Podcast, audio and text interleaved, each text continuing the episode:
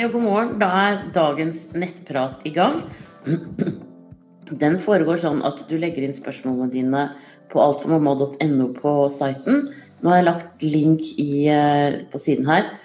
Eh, og så leser jeg opp spørsmålene og svarer muntlig. Etterpå så limer jeg inn alle altså URL-en fra nettpraten inn på alle svarene, sånn at det er litt lettere å finne. Men da er det i grunnen bare å fyre løs. Skal vi se. Sånn. I dag er det ganske mange spørsmål, faktisk. Det er veldig hyggelig. Da er det førstegangs som sier Hei, Siri. Førstegangsfødende i uke 38. Har en del kynnere, men hvordan vet jeg forskjellen mellom kynnere og rier? Og kan det bli farlig med for mye kynnere? Var hos legen min dag, dagen, og da ble jeg hin dagen. Og da ble jeg sjekket for om det var åpning-modning, men det var det ikke. Kan man plutselig få åpning-modning, eller kan det ta flere uker? Er blitt litt forkjølet, så blir litt nervøs for babyen. Blir den også påvirket? Hvor godt beskyttet i magen er baby når mor blir syk, type forkjølelse, omgangssyke, influensa, feber etc.? Har hørt at salve mot såre brystvorter ikke er anbefalt, at man heller burde lufte det. Er det sant? Ha et strålende mandag. Ja, da begynner jeg øverst, jeg. Um, de kynnerne, det, Måten du kan kjenne forskjell på kynnere og rier på, det er at rier presser mye mer ned i skjeden. Pluss at ofte så begynner de opp eh, bak, liksom opp under armene på baksiden på ryggen, og så drar de liksom nedover. Eh, sånn at eh, at det er på en måte det er en annen eh, følelse. Mens kynner er mye mer sånn sentrert rundt maven og på en måte liksom spenner seg rundt maven. Uh, men det skjer ikke så mye mer med det. Kynnere er også, varer også mye lengre enn rier. Rier, når de blir gode på deg nå, så varer de nok ikke mer enn 20-30 sekunder. Uh, og så bygger de seg opp til å vare ett til to minutter. Men da er du virkelig aktiv fødsel. Da har du nok ringt sykehuset for lenge siden, tror jeg. Og så er det sånn at jeg bare ringer til fødende og snakker med dem der, for de er der for deg. Så er det noe du lurer på, på når som helst på døgnet, så bare ringer du til dem. Eh, og det kan ikke eh, bli for mye kynnere, men du vil nok merke veldig sånn økt aktivitet nå. Og det er jo fordi at eh, livmoren er nå en muskel som veier ca. 1 kilo, og den trener og trener og trener på å dytte babyen ut. Sånn at her er, her er arbeid som foregår. Og kynneren er også med på å modne deg. Men du kan godt gå fra null åpning til åpning på ja, kort tid, altså. Men som førstegangsfødende så er det normalt at det tar 12-18 timer fra du begynner med rier til, de, til babyen er ute. Så Derfor så har de fleste ganske god tid, altså. Men som sagt, ring føden hvis du lurer. Eh, og man kan godt gå liksom til og fra i flere uker med kynnere av og på. Eh, det, det, er fullt mulig før man føder. Eh, og så er det sånn at når du blir forkjølet, så er ikke det noe farlig for babyen i det hele tatt. Det går antistoffer fra deg og over i babyen, sånn at den er litt mer beskytta. Og det gjelder også andre sykdommer. Så det er bare deg det er plagsomt for. Og får du feber over 38,5, så skal du også ta Paracet for å få ned feberen. For det er ikke noe bra for en baby at eh, mor har høyere feber enn 38,5. Uh, og så vil jeg, og så lærte jeg noe annet her nå, jeg må bare si det igjen og igjen, uh, på kurs her, at uh, når babyen når den har kommet ut, da, og hvis den brygger på noe forkjølelse, så sender den, eh, når du da ammer, så har den melken inni sin munn. Og så sender den beskjed med melken, og så blir noe av det dyttet tilbake inn i ditt bryst og din kropp om at nå trenger jeg sånn og sånn eh, antistoffer mot den og den. Og da produserer kroppen din det, og så sender du det med melken tilbake til babyen. Så det er veldig finurlig laget, rett og slett. Og så er det Jeg mener jo at salve mot såre brystvorter er en investering. Så det syns jeg du skal skaffe deg. Det fins flere gode på markedet, så gå enten på helsekosten eller på apoteket og snakk med dem der. Og en god sånn stellesalve som er bra for såre barnerumper, er også sår, bra for eh, såre brystvorter. Så det Du bør ikke kjøpe forskjellige ting. Eh, bare ikke kjøp med sink, fordi det er litt for eh, seigt for brystvortene. Eh, og sånn som Veleda sin Calendula og, og Bayer sin eh, Bepanthen, eh, de behøver du ikke å vaske bort eh, etter at du har smurt dem på. Da er det bare å amme etter hvert. Så, og så fins det jo også sånne um, uh, pads som du kan legge på med salve. Det som er litt viktig, er at man ikke går rundt med bomullspads hele tiden, fordi at de holder på fuktigheten istedenfor å ta fuktigheten bort fra brystvortene. Da blir man lettere sår. Så bruk i stor grad eh, ullinnlegg, selv om det høres litt rart ut å bruke det på sommeren. Men det frakter fuktigheten bort fra huden, sånn at huden lettere heler seg hvis man blir sår. Og de fleste gjør det den første uka, og så går det over. Men men er liksom, da er det mye trening både for mor og barn, og det, det sliter på brystvortene. Det er ikke noe farlig, men det kan bli litt sårt. Eller så har de også ofte Purilan på, på, føde, på barsel, eh, som du kan få prøver av der. Men det også er en fin salve å prøve seg på. Da ønsker jeg deg riktig lykke til videre, og ha en strålende eh, mandag, du også. Jeg må bare si at du er fint til å lufte brystvorten også, eh, men innimellom så trenger man salve i tillegg. Jepp. Og så er det Anne Mette som sier hei, jeg er gravid i uke 36 med lillebror. Eh, det er seks år siden sist fødsel. Under legekontroll og ultralyd på sykehuset virket de nesten veldig overrasket over at han var festet og hodet var så langt ned at de ikke fikk målt hodet hans ordentlig.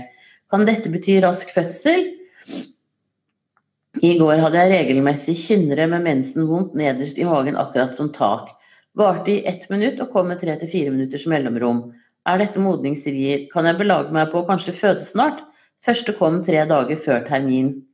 Ja, det kan jo faktisk høre ut som at du er i ferd med å gå litt uh, grann i fødsel. Nå er det ofte sånn at hvis du har vært undersøkt, uh, og særlig også vaginalt og sånn, så trigger det litt uh, kynnere og rier. Eh, men hvis dette her fortsetter, så tenker jeg at da, da kan det være fødsel på gang.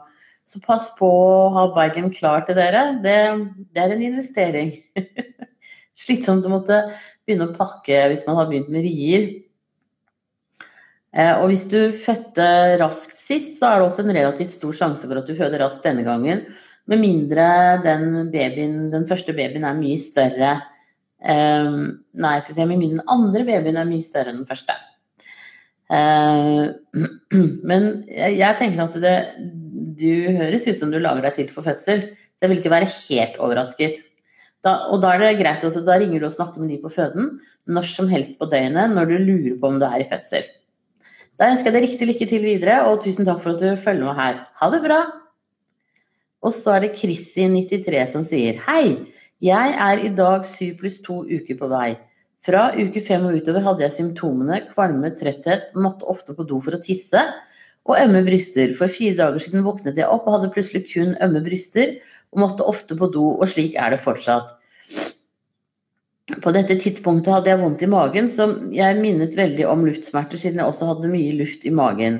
Jeg opplevde en SA sist gang jeg var gravid, da i uke fem, hvor jeg også opplevde vondt i magen pga. luft, men forskjellen er at jeg da begynte å blø dagen etterpå og hadde menssmerter, mens denne gangen har jeg ikke begynt å blø, og det har nå gått fire dager.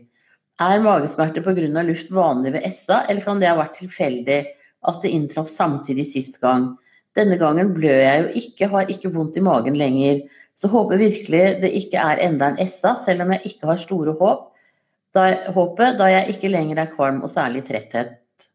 Ja. Vet du hva jeg syns du skal gjøre? Jeg syns du skal ta en tur til eh, fastlegen din og så få sjekket HCG um, en av de første dagene. Og så kan man da ta en ny prøve etter tre dager, to til tre dager. For da vil du se om den er stigende eller ikke. Uh, og da vil det gjøre siden uh, For da vil det si om du er gravid eller ikke. Og, og, grunnen til at jeg tenker det med deg, er at du har hatt en SA uh, ganske når du var gravid sist. Eh, og da er det så lett at man blir litt sånn stressa. Um, det er normalt at eh, graviditetstegnene kan komme og gå litt. Sånn at, eh, og både i styrke og mengde og antall og alt. Så jeg vil ikke liksom sånn umiddelbart vært veldig bekymra. Og nå har det jo vært helg også, og når man på en måte blir mer uthvilt, så, så avtar også symptomene noen ganger. Men for at du på en måte skal ikke må gå og være veldig bekymra, så tenker jeg at det er lurt å ta en tur til fastlegen. Bare stikk ditt med en eh, urinprøve i dag, så kan de sende den inn til analyse. Eh, og så kan du komme inn og ta en ny Skal vi se Nå er det vel eh, fridag på torsdag, kanskje, men det er arbeidsdagen på fredag. Da kan du jo ta en ny en enten på onsdag eller på, på fredag. Det kan du avtale med de på legekontoret. Men det tenker jeg kan være litt lurt å gjøre. Men jeg er ikke altså sånn, Jeg tenker at det, det er aldeles ikke sikkert at det er en abort på gang, altså. Det er mer sånn for å, å få ned eh, bekymringen din. Da ønsker jeg deg riktig lykke til videre, og tusen takk for at du følger med her. Ha det bra! Og så er det turgåer som sier Hei igjen, Siri. Jeg blir nødt til å stille spørsmålet mitt på nytt denne gangen, siden jeg ikke klarer å finne svaret forrige gang jeg spurte. Jeg er nå i uke 37 og prøver så godt jeg kan å holde meg i fysisk aktivitet hver dag. Det vil si at jeg går tur i skogen i ca. 30 minutter hver dag. Jeg kjenner at jeg har overskudd. Det jeg lurer på er om dette har noen positiv effekt angående graviditeten. Kan det bidra til at jeg føder før termin, lettere fødsel? Eller er det bare dumt å bruke opp kreftene nå når alle sier jeg burde hvile så mye jeg kan før lille kommer? Tusen takk for svar. Ja, det er kjempebra at du går på tur. Det å være i bevegelse er veldig sunt. Eh, da får du god sirkulasjon ut i føttene og hendene og i hele kroppen. Og det er alltid sunt uansett. Så tur er på en måte noe av det siste man bør gi opp eh, når man har lite med krefter. Eh, tur gjør også, og særlig i skogen, er superbra. For det gjør at du beveger bekkenet, og da lirker babyens hode seg liksom bedre ned i bekkenet. Så det tenker jeg er kjempefint. Eh, og du har høyst sannsynlig en liten bekkenløsning nå, for det har nesten alle en måned før termin. Eh, og det gjør også at bekkenet ditt utvider seg, og at hodet kommer lettere ned. Så dette er bare positivt. Um, og det også kan jo gjøre sånn sett liksom at hodet har kommet godt ned i bekkenet og er godt innstilt. Det kan gjøre at fødselen går raskere og, og enklere.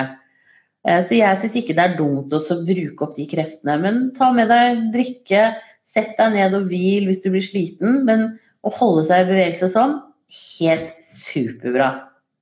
Da ønsker jeg deg riktig lykke til videre. Og tusen takk for at du følger meg her. Ha det bra! Og så er det såre brystknopper som sier Hei, har en pode drøye tre uker og sliter med såre brystknopper. Jordmødre på Storken ammepoliklinikk og kommunejordmora mi sier at jeg gjør alt rett og har gjort det hele veien. Likevel fikk jeg såre knopper på første tillegging etter fødsel. Det var travelt på KK i Bergen, og jeg måtte ut av fødestua en time etter fødsel. Det endte med at jordmora stappa knoppen inn i munnen, selv om jeg sa at jeg ville legge til selv. Behandles både for sopp og infeksjon uten å ha fått bekreftet prøvesvarene på dette. Det skal ikke være stramt tungebånd, sier min kiropraktor på Bekken og Barn.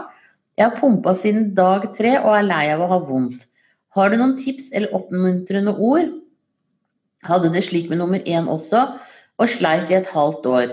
Trodde jeg og jordmor hadde preppa bra nok denne gangen, men noe fungerer ikke. Nei. Åh, det der er ikke lett, altså. Eh, og særlig når det, som du sier, du gjør faktisk alt riktig. Eh, jeg håper jo, og det vil jeg jo tro, at du har en god eh, stellekrem. Det som, altså sånn som den Veleda har som heter Calendula, det er ringblomst. Den har hele effekt i seg. Så den, den syns jeg liksom på en måte er en av de aller beste kremene som fins. Men der er vi jo litt forskjellige. Det er en vanlig stellesalve til babyen, som du også kan bruke på en sår barnerumpe. Og så Jeg tror vi bare må liksom ta høyde for at noen faktisk eh, eh, blir såre. Eh, har du Jeg bare tenker sånn derre Altså, det er tøffere for puppen når du pumper enn hvis babyen suger. Så med en sånn skikkelig god ammestilling, eh, så burde det på en måte Er jo liksom ideen, da. Eh, at det burde gå bra. Nå er det jo den der nye ammestillingen som heter fysiologisk ammestilling. Det har de veldig sånn Det har du sikkert lært på ammepoliklinikken. De har i hvert fall en veldig fin video og bilder av det inne på Ammehjelpen sine sider. Sånn at det å på en måte amme babyen forskjellige veier, sånn at du fra, Det er litt sånn stress, da, men fra eh, hver amming at du ammer Du kan amme i sånn tvillingstilling, du kan amme vanlig forfra, du kan amme biologisk. Eh, du kan ha babyen liggende på bordet og lene deg over. Det er flere muligheter bare sånn for å ha forskjellig liksom, At babyen holder forskjellig på puppen, da. Eller på brystknoppene. Så jeg ville liksom prøvd kanskje det, altså at du smører deg rett etterpå. Og så aldri bruk ammeinnlegg i bomull selv om du lekker. For bomullen holder på fuktigheten og gjør at du uh, er fuktig hele tiden. Um, så eh, hvis du lekker mye, så bruk heller ull ammeinnlegg. For at det frakter fuktigheten fra huden og utover. Og så tenker jeg at um, dette, du, dette, er ikke lett i det hele tatt. Uh, og det er jo innmari vondt. Altså sånn der, man er jo så tynnhudet på brystknappene. Um, så det er, jo, det er jo veldig vondt å, å, ha vondt der hele tiden. Så mitt, mitt råd til deg er vel på en måte Eh, og prøve litt forskjellige ammestillinger. Og prøve kanskje noen litt forskjellige kremer og se om det kan hjelpe. Eh, og så snakk med ammepoliklinikken eventuelt igjen. Og så er du en helt, altså. Jeg må jo si det at du, hvis du hadde så vondt eh, i et halvt år sist, og holdt ut allikevel, så er jo det fantastisk. og nå er du tre uker inn i, i, i denne ammingen, men, men jeg har liksom jeg har litt trua på at det burde, det burde gå an å, å få det til. Um, men jeg har Nå bare satt jeg og tenkte på om du kunne ha noen sånne allergier eller altså sånn um, Hva heter det? Sånn, sånn, allergisk hud på noe vis. Um, men, men, kan du ikke snakke med ammepoliklinikken eller jordmora di Prøv nå litt sånne forskjellige stillinger og en god ammekrem, og så tar du kontakt med dem igjen og så får se om de har flere gode råd å gi. Eh, men du er kjempetøff som holder ut dette. Eh, for det er klart at du er mer enn normalt plaget. Hos de fleste så går, jo, eh, går det jo bort med den sårheten etter en ukes tid. Men jeg, jeg ville prøvd at hun suger fordi at det er på en måte et bedre tak enn det en pumpe greier å ta. Eh, hvis du fortsatt er sår og du har pumpa siden dag tre. Og så er det på en måte med skam å melde, men, men, det er noen ganger at det ikke rett og slett går med ammingen. Eh, fordi at man blir så sår, og da, da må man heller slutte med det. Eh, men det må du jo kjenne på sjøl og sånn. Men som sagt, du er en helt. Det er det ingen tvil om i det hele tatt. Da ønsker jeg deg riktig lykke til videre, og tusen takk for at du følger med her. Og kom gjerne tilbake og, og si noe om dette med å amme i forskjellige stillinger, om det kan hjelpe. Da ønsker jeg deg riktig lykke til. Ha det bra! Og så er det utålmodig som sier Hei, jordmor Siri. Jeg er nå i uke 37 og kjenner at jeg begynner å bli veldig utålmodig på å møte Lille. Er det noe jeg kan gjøre for å få kroppen til å modnes fortere? Har hørt sex skal være bra for å få fortgang, men mannen min syns det er ubehagelig å ha sex nå så sent i svangerskapet når babys er så stor. Er det noe annet jeg kan gjøre? Bortsett fra å smøre meg med tålmodighet, selvfølgelig. Hilsen utålmodig førstegangs. Ja, eh, det er jo mange som syns det at det er vanskelig å ha sex når maven er så stor. Ehm, så det du kan prøve, det er eh, å, å få orgasme selv. Eh, og da er det altså I sæden så er det modne stoffer, prostaglandiner. Men eh, når det ikke er noen option, så er, er det greit med orgasme alene isteden. Eh, og det du gjør da, det, er, det som skjer da, det er at det, det gis sammentrekninger i livmoren, og det kan gå over til rier. Så to ganger om dagen f.eks., eh, hvis du orker det, kan være en løsning. Ellers er det jo også sånn at du, du kan prøve med eh, sånn nippelstimulering. At du gnir på brystvorten din til du får en ri, eh, og så venter du til den ria har gitt seg.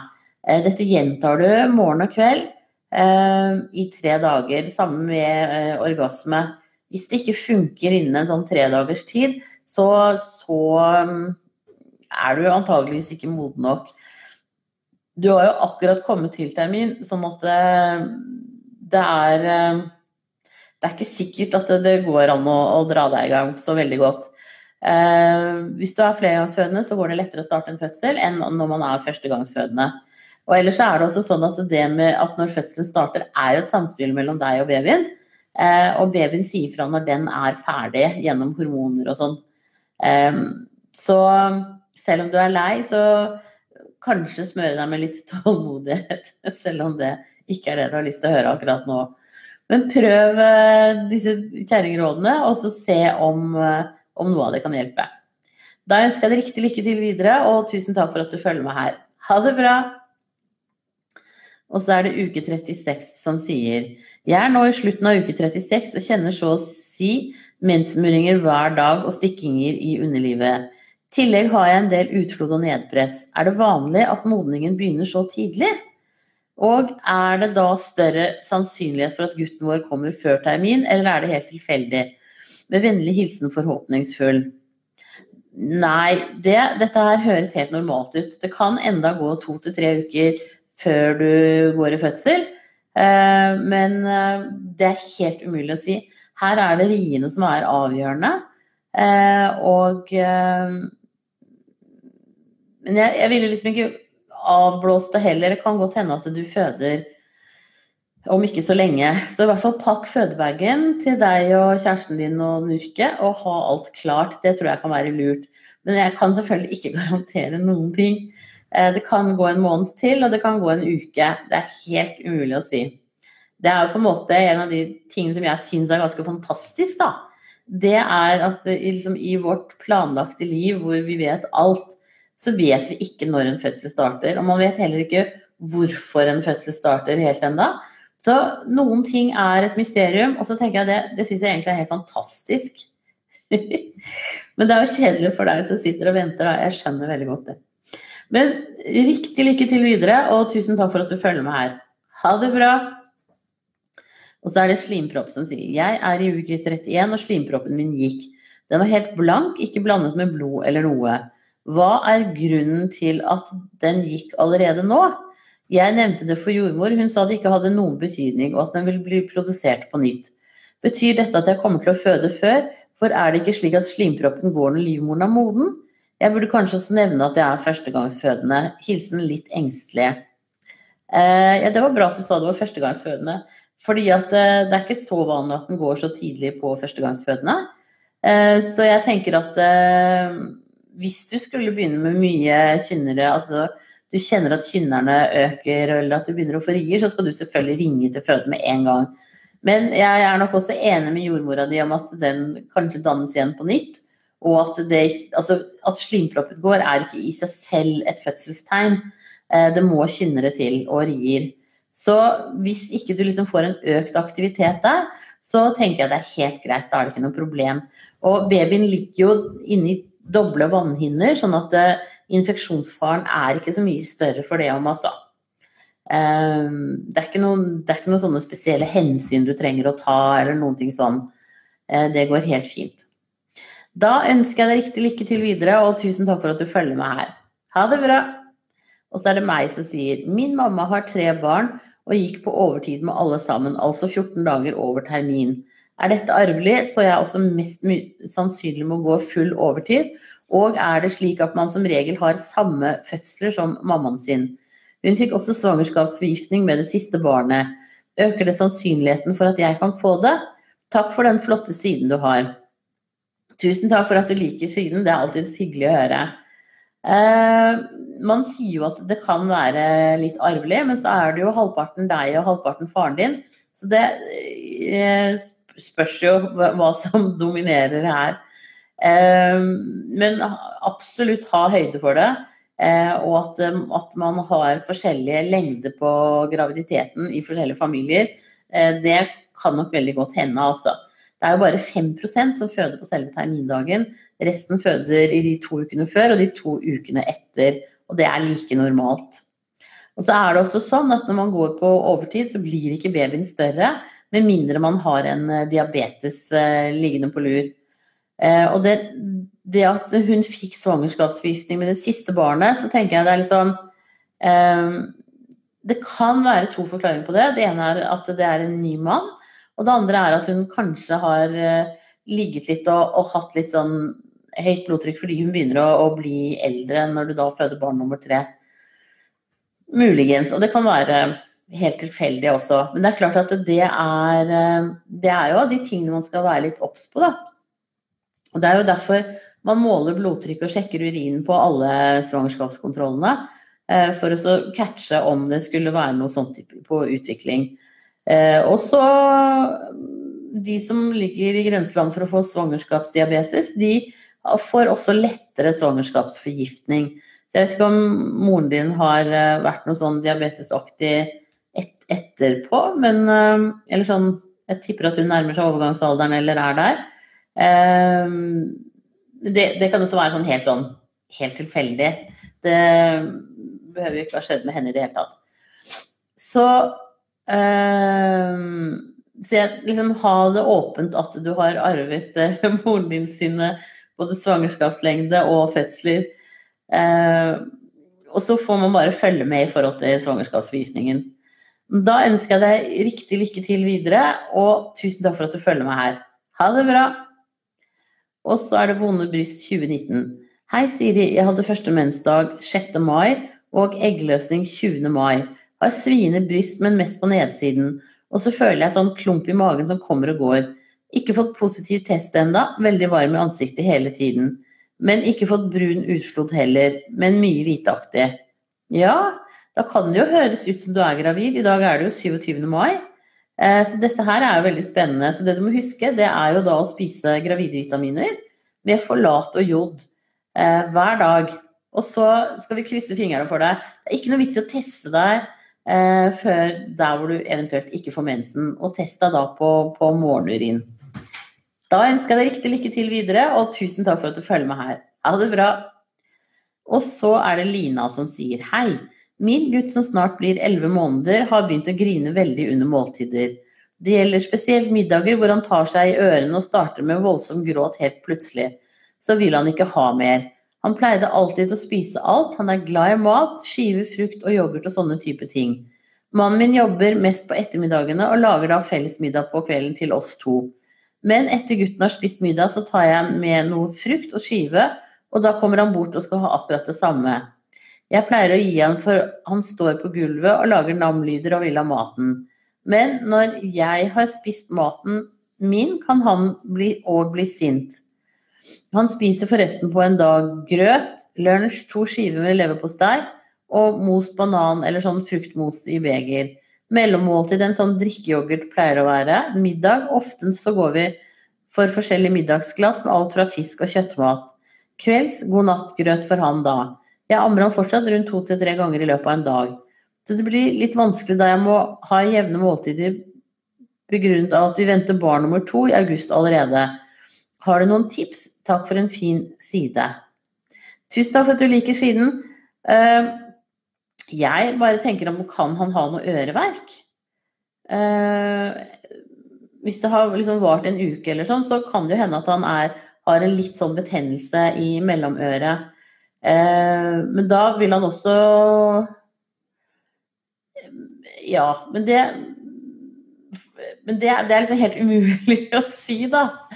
Um, så det, det, kommer liksom an på om, om, det har vart veldig kort, eller om, om, det er noe nytt. Så jeg tenker at det du alternativt kunne gjort, er å ta med til legen bare for å få tittet inn i ørene, og så sett om det kan være noe der. Uh, de gjør som regel ikke så mye med det, det går som oftest over av seg selv. Uh, men, og da kan det også være greit å legge hodet litt høyere i sengen om natten. Uh, nå ser det jo ut som at han vil liksom spise akkurat det samme som deg, så jeg vet ikke om kan han bli sur fordi han ikke får samme middagen som det dere spiser? De er jo litt rare og veldig observante, disse barna. For det, ser, høres jo ut som at han får i seg nok mat, uten at jeg er noen sånn stor ekspert på det. du kan jo prøve å gi han most det samme som dere får. og så at han, han kan jo på en måte sitte sitte sammen med dere da, og så spise, og så spise sjøl. Og så se om, om, det kan gi noe utslag. Og så, Det blir alltid litt griseri, men det gjør jo ingenting. Det er jo bare å tørke opp. Um, at han på en måte ønsker å være en, en, del av det fellesskapet, da. Jeg vet ikke. Dette er bare vill gjetting fra min side. Da er jeg langt utafor eh, kompetanseområdet mitt. Så det du kan gjøre, er jo også ta det opp med helsesøster eh, og se om de har noen gode råd å, å gi der. Nå heter det jo forresten helsesykepleier. Um, uh, ja. Nei, så, så, som du sier, spis sammen med ham når du spiser. Og så er det jo superbra at du fortsatt ammer. Uh, det vil jo gjøre at du i hvert fall er i gang med melken når nummer to kommer, uten problemer. Um, utover det så har jeg et tips. Du kan jo høre inn på Alt for mamma på på litt om alt-forumet der, for nå har jeg åpna det igjen. og har vi fått installert en litt bedre sånn spam-robot-hinder. Eh, så spør der om det er noen andre som har gode råd. Eh, du trenger ikke å være logget inn eller noen ting, du bare tikker av for at du ikke er en robot. Da ønsker jeg deg riktig lykke til videre, og så tenker jeg at dette egentlig er noe forbigående. Eh, rett og slett at det er liksom et eller annet som Det er ikke så lett å skjønne disse barna når de ikke kan snakke. Uh, du får prøve deg frem. Jeg ønsker deg riktig lykke til videre, og tusen takk for at du følger med her. Ha det bra. Og så er det undrende som sier Hei, Siri. Sendte deg et spørsmål for kort tid siden angående en veldig tidlig positiv test. Ny test er nå veldig sterk, så her er det jo noe på gang. Ja, men det er hyggelig, da. Symptomene har allerede startet, og bekymringene er i gang hadde ekstrem svangerskapskvalme de første 20 ukene og kraftig symfyse-bekkenløsning fra uke 27 fram til fødsel med datteren min. Allerede nå kjenner jeg smerter av og til i bekkenet og venter bare på at det skal slå ned som lyn i tørt gress. Fysio kunne ikke hjelpe stort sist, så lurer på om det finnes noen tiltak før det blir for ille. Regner også med å få ekstrem svangerskapskvalme om få uker dersom spiren sitter denne gangen. Gikk ned en god del kilo, spydde mange ganger daglig og spiste som regel kun ett måltid, men drakk vann gjennom dagen.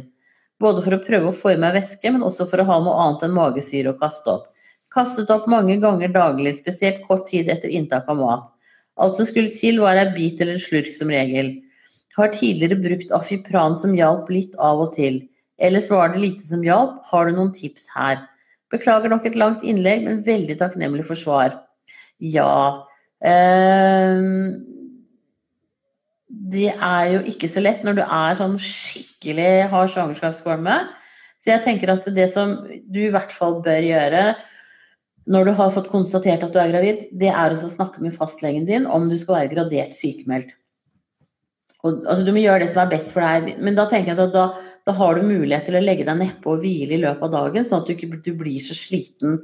Og med en til i huset, så er det ofte på en måte ikke så lett å få hvilt Eh, når det andre barnet er hjemme, så hør om, om du kan ha en gradert sykemelding. Eh, og så er det sånn at akupunktur noen ganger kan hjelpe. Så det vil jeg prøve å starte med nå, bare for å se om det kan ha noe for seg. Da kan det hende at du må gå og få det en gang i uka. Men du kan høre med jordmora du går til i graviditeten, om hun eventuelt eh, kan noe om akupunktur, eller kjenner noen som er gode på det. Eh, og så var det jo dumt at ikke det hjalp med, med noen eh, fysioterapi sist. Eh, da, da, spørs det om det hjelper nå heller. Du kan jo alternativt prøve en manuell terapeut eller en, og se om det kan hjelpe, eller en osteopat. For de jobber på litt andre måter enn det fysioterapeutene gjør. Og osteopatene jobber jo også med liksom, balansen i hele kroppen. Ehm, sånn at det kan hende at det også faktisk kan hjelpe noe mot eh, svangerskapskvalme. Ehm, men det er klart at disse tingene her koster penger. Men hvis du bor sånn til at du har muligheten for å benytte deg av det, så tenker jeg at eh, det kanskje kan være en greie. Nå er det ikke sikkert at du blir like kvalm denne gangen.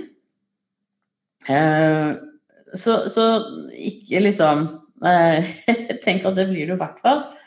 Eh, men se det an litt. Eh, men blir du kvalm, så kan det hende at det er greit å begynne med Afipran ganske tidlig eh, for å få hjelp av den. Jeg håper at ikke du blir så kvalm, og jeg håper at noen ting vil kanskje kunne hjelpe deg litt. Men da altså, Du kan jo legge inn på litt om alt forumet på Alt for mamma, du også, om det er andre som har gode råd. Og så fins det jo forum på både utafor og på Facebook for de som er veldig kvalme i graviditeten. Men Da ønsker jeg deg riktig lykke til videre, og så eh, håper jeg at det, at det, roer seg. At du ikke blir like, like kvalm denne gangen, altså. Eh, satser på det. Ha det riktig bra. Og så er det Modning som sier Hei, er annengangs gravid og gruer meg til fødselen nærmer seg. Jeg er ikke bekymret for selve fødselen, men min første hadde jeg en lang uke med maserier. De var ofte smertefulle og tok maksbeløpet av Paracet i løpet av en dag. Tok da to Paracet hver fjerde time ca. dersom jeg hadde smerter, men det hjalp kun i 30 minutter til en time. Med andre ord levde jeg på veldig lite søvn, to til tre timer dagen og jeg, om jeg var heldig. Og var selvfølgelig totalt utslitt. Jordmor satte opp time til igangsetting en uke etter termindato, just in case. Rine startet heldigvis på termindatoen. Kun én time søvn på 48 timer, men ting gikk så sakte at jeg fikk modningspiller. Noe som også ga meg stormerier. Men etter at jeg endelig fikk epidural, syv timer senere gikk ting bedre, men tregt. Så fikk til slutt drypp for å få fortgang. Kjenner at denne hendelsen har satt en støkke i meg, og jeg er redd for noe lignende skal skje igjen. Jeg hadde nesten ingen krefter under fødselen. Og stormer i seg selv er jo ikke så gøy. Så det jeg lurer på, er om det er noen sjanse for at maseriene blir likt denne gangen. Altså er det større risiko for det. Og er slike ting noe føden vil ta hensyn til? Sjansen er jo litt større for at ting går raskere med nummer to, men bare tanken på å gå over lang tid med stormerier, store smerter og lite søvn stresser meg mer og mer, selv om det ikke er noen garanti for at det skjer denne gangen. Takk for svar og flott side. Med vennlig hilsen Stressa. Ja, tusen takk for at du liker siden og følger meg her. Eh, jeg tenker at det måtte gå an også gjøre det litt raskere denne gangen. Eh, også for, som du selv sier, at man føder raskere når man har født en gang før. Så jeg tenker at hvis det skulle skje at du begynner med alle disse maseriene igjen, så, så så syns jeg at kanskje jordmor skulle henvise deg til eh, føden eh, litt før, og så se om ikke de kan gjøre en litt kortere prosess, altså. For det å gå så lenge og holde på sånn som du gjorde, det er sånn som du sier, da blir du sliten. Og da, da blir det jo Da er det ikke så rart at fødselen drar ut i langdrag heller. Så så, og så får du også lettere tidligere epidural eh, når du er flergangsfødende. Men, men, målet må jo være at ikke du er helt utslitt til fødselen kommer. Så eh, snakk med kroppen din også litt om det. At her vil du ikke ha en sånn ny runde med maserier. Eh, men skulle det skje altså, Sjansen for at du kicker inn og føder raskere denne gangen er mye, mye større, siden du har født tidligere. Men skulle det skje at du blir gående sånn og tusse og tasse og, og ha det vondt og ikke sove, så syns jeg du skal snakke med jordmor som ringer inn til fødende og hører om ikke du kan bli igangsatt litt før, altså. Rett og slett, selv siden du, had, siden du har det forløpet du har, at de kan vurdere å gjøre en litt kortere prosess. Men sjansen er at du starter selv, og at det der ikke gjentar seg. Krysser fingrene for at det skal skje, eh, og at, du, at det går bedre denne gangen. Da ønsker jeg deg riktig, riktig lykke til videre, og jeg håper at det ikke blir bare mas nå, men at det er liksom litt mer rett på at du føder. Da må du ha en strålende dag videre. Ha det bra. Og så er det uke ni som sier hei. Jeg er i dag ni pluss to uker på vei. I uke seks hadde jeg en del smerter på høyre side av livmoren, pluss stikninger, strålinger ned i underlivet. Noen ganger strålte helt ned i foten. Smertene kom og gikk og varte i ca. en uke. I går kom disse smertene tilbake, og jeg blir kjempebekymret for at det er noe galt. Har vært i tidlig ultralyd for å bekrefte at alt ligger riktig. Med vennlig hilsen stressa førstegangsgravid. Jo, vet du hva, det er antageligvis det gule legemet. Når det, når det, er på den ene siden sånn, så er det det gule legemet er det som modner egget, og som sender det ut. Og det skjer som regel bare på den ene siden når man, i hver menssyklus. Eh, og det er nok det som Det produserer da etterpå, når du er blitt gravid, så produserer det graviditetsbevarende hormoner. Rundt uke sånn 11-12-13 så overtar morkaken denne produksjonen. Og da får man mindre vondt sånn som på én side, sånn som du gjør nå. Det er ikke noe å være noe bekymra for. Eh, og særlig ikke når du har vært på tidlig ultralyd for å se at alt ligger riktig. Så jeg tenker at dette her er helt normalt. Så ikke stress med det. Um, dette kommer til å, å, å, gi seg. Da ønsker jeg deg riktig lykke til videre, og tusen takk for at du følger meg her. Ha det bra!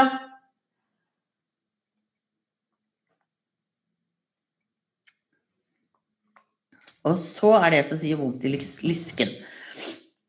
Hei, jordmor Siri. Jeg er i uke 36 og har en baby som ligger godt nede i bekkenet, men hodet er ikke festet ennå, sier jordmor. Er det noe jeg kan gjøre for at det skal festes? Er rett og slett lille tuppa En er må rett og slett lille tuppa finne ut av det selv. Jeg sliter også en del med vondt i lysken på begge sider, men mest i høyre. Er en følelse at jeg er veldig støl og øm på en måte. Er dette pga. nerver babyen ligger på? Jeg har også en sånn melkesyrefølelse i kroppen, men mest i beina.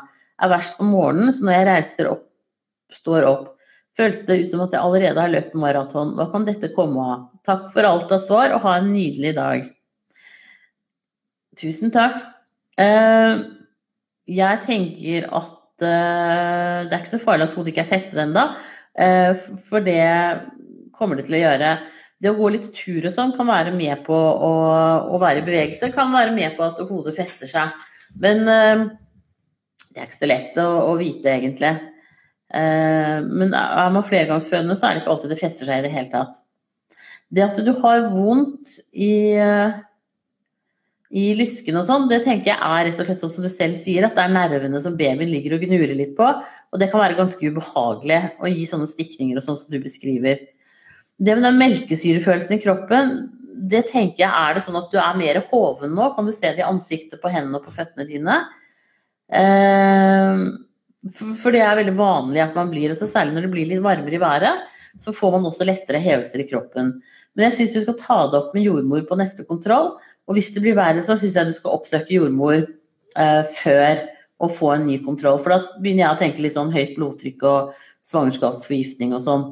Eh, så blir du verre, og f.eks. nå så går vi jo inn i en del helligdager. Eh, da ringer du rett på fødende, og så snakker du med dem hvis ikke du får tak i jordmor. Jeg har ikke noen sånn veldig veldig gode forklaringer på den melkesyrefølelsen, annet enn at jeg tror det er vann. Så eh, Så bare få en sjekk hos jordmor hvis det blir verre. Da ønsker jeg deg riktig, riktig lykke til videre, og tusen takk for at du følger meg her. Ha det bra. Og så er det bryllupsgjest som sier god morgen. Jeg er bedt i bryllup 6. juli og har termin 26. juni. Det bør også nevnes at bryllupet er en biltur på ca. ti timer unna ja, nå ler jeg, for dette syns jeg høres i utgangspunktet vanskelig ut. Eh, det er en veldig nær venninne av meg som gifter seg, så jeg har ekstremt lyst til å gå, men er redd for hvordan det skal gå i forhold til fødsel. Om jeg føder til rundt termin, hvordan tror du forholdene da er for å kjøre av sted til dette bryllupet? Hilsen førstegangsfødende som ikke vet hvordan tiden etterpå blir. Nei, vet du, dette er ikke lett å vite i det hele tatt. Eh, og sjansen er at du også føder før termin, da. Og da vil jo babyen være ganske stor. Men en biltur på ti timer er ganske langt, altså. Eh, og baby skal jo ikke sitte i sånn barnestol så lenge heller. Eh, så jeg tenker at hvis ikke det går an å ta toget eller fly, så er Det skal godt gjøres at du får det til, men man skal aldri si aldri.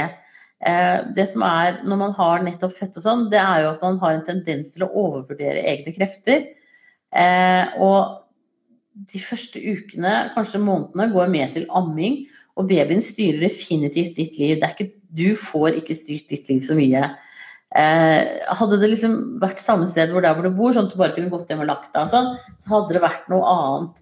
Så jeg tenker at her må du bare se hva slags baby det er du får, og når den kommer og hvordan dette her eh, blir. Og så må du jo si at hun må holde plassen åpen for deg, men det er vel, jeg ville sagt at det er små sjanser for at du, du kommer dit, altså, selv om du syns det er kjipt.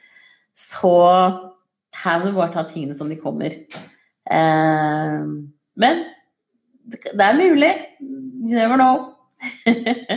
da ønsker jeg deg riktig lykke til videre, og tusen takk for at du følger meg her. Eh, skal vi se, Og så er det uke 37 som sier hei. Må magen synke for at man skal være fødeklar, eller er det noen ganger den ikke syn synlig synker på noen?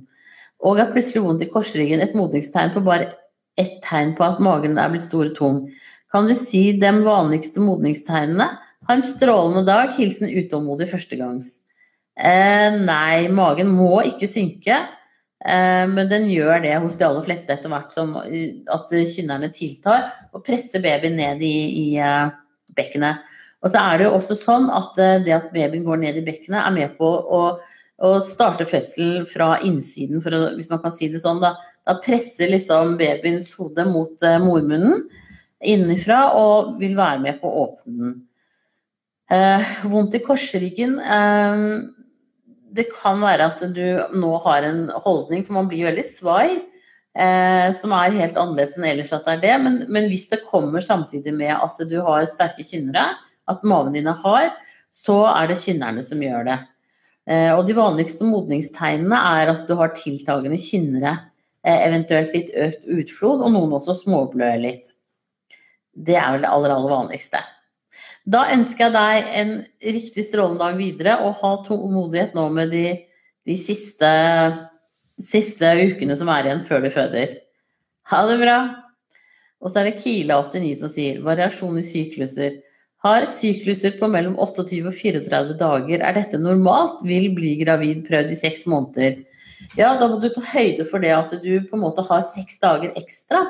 Sånn at når dere har samleie, så fortsetter du i seks dager til etter Eh, jeg ville sagt at det er lurt å begynne på dag ni etter første dag av siste mens, eh, og så se om det kan eh, hjelpe. Men du må i hvert fall ta høyde for både at det er 28 dager, og at det er 34. Og så er det jo viktig at du tar gravide vitaminer. Og så er det normalt at det går inntil ett år fra man begynner å prøve til det klaffer. Så vi får krysse fingrene for at det klaffer snart for dere også. Da må du ha en strålende dag videre, og tusen takk for at du følger meg her. Og så er det uke 27 som sier hei, takk for fin side og super podkast. Ja, så hyggelig at du hører på podkasten min også. Etter å ha hørt på deg gjennom graviditeten så langt, har jeg et spørsmål til deg. I forrige uke, slutten av uke 27 i svangerskapet, hadde jeg noen timer på kvelden med stort ubehag i magen. Det hadde nok gått litt i ett med mye aktivitet de foregående dagene, og i tiden før ubehaget oppsto, hadde jeg og min samboer samleie. Jeg vet ikke om ubehaget kan ha vært kynnere, men det opplevdes så sterkt at vi ble bekymret. Jeg hadde i timene etter samleie vansker med å gå, og følte veldig utpress. Gikk og strammet setet og bekkenbunnen med små, korte steg. Og i regelmessige tak kom sterkt ubehag som kjentes i mage, rygg og ned mot innsiden av låren. Vi var ute en tur da det pågikk som verst, og jeg trodde ikke jeg skulle komme meg hjem igjen. Da vi kom hjem, var magen hard som en ball, og magen hadde flyttet seg ned til en bul under navlen, pleier å ligge høyere oppe. Var dette bare kynnere? Kan det tilskrives for mye aktivitet eller samleie? Det bedret seg når jeg la meg ned, men sto nok på en tre-fire timer. Vi ble litt skremt begge to og ikke hatt samleie etter dette. Nei, det kan jo se ut som at du trigges veldig av samleie. Så snakk med jordmor om det på neste kontroll, men jeg tenker at det kan være lurt å, å kanskje vente litt med det, altså hvis du reagerer så kraftig på det. Um, så snakk med jordmor om det, og så, for da kan du liksom uh, diskutere akkurat deg, og så se på en måte om det om det kan være om det var helt tilfeldig, eller om det er en, en sammenheng der. Men uh, mm, jeg, jeg, tror kanskje at jeg venta litt med samleie. For det hørtes, veldig, det hørtes ut som dette var veldig sterkt, altså. Så jeg syns du skal komme deg til jordmor eller lege denne uka her, og kanskje også få tatt en prøve og se om du kan ha noen infeksjoner i skjeden. Eh, GBS vil gjøre deg mye mer sånn triggervennlig i forhold til å kunne starte en fødsel litt tidlig, nettopp på bakgrunn av samleie og sånne ting som det. Så jeg syns egentlig at du skal sjekke deg den uka her, bare få sendt inn en sånn eh, bakterieprøve til undersøkelse, så se om det kan være noe der. Eh, for du var litt mer enn vanlig fikk litt kraftigere kynner enn vanlig her. Så gjør det, enten hos fastlege eller jordmor, så får du tatt en, en sånn uh, stiks med urin og, og skjedesekret, og så se om, om de finner noe der. Da ønsker jeg deg riktig, riktig lykke til videre, og tusen takk for at du følger meg her. Da var det dagens siste spørsmål så langt. Kommer det inn flere, så svarer jeg på de skriftlige. Men i mellomtiden så må dere ha en riktig strålende dag. Og så snakkes vi litt senere igjen. Ha det bra!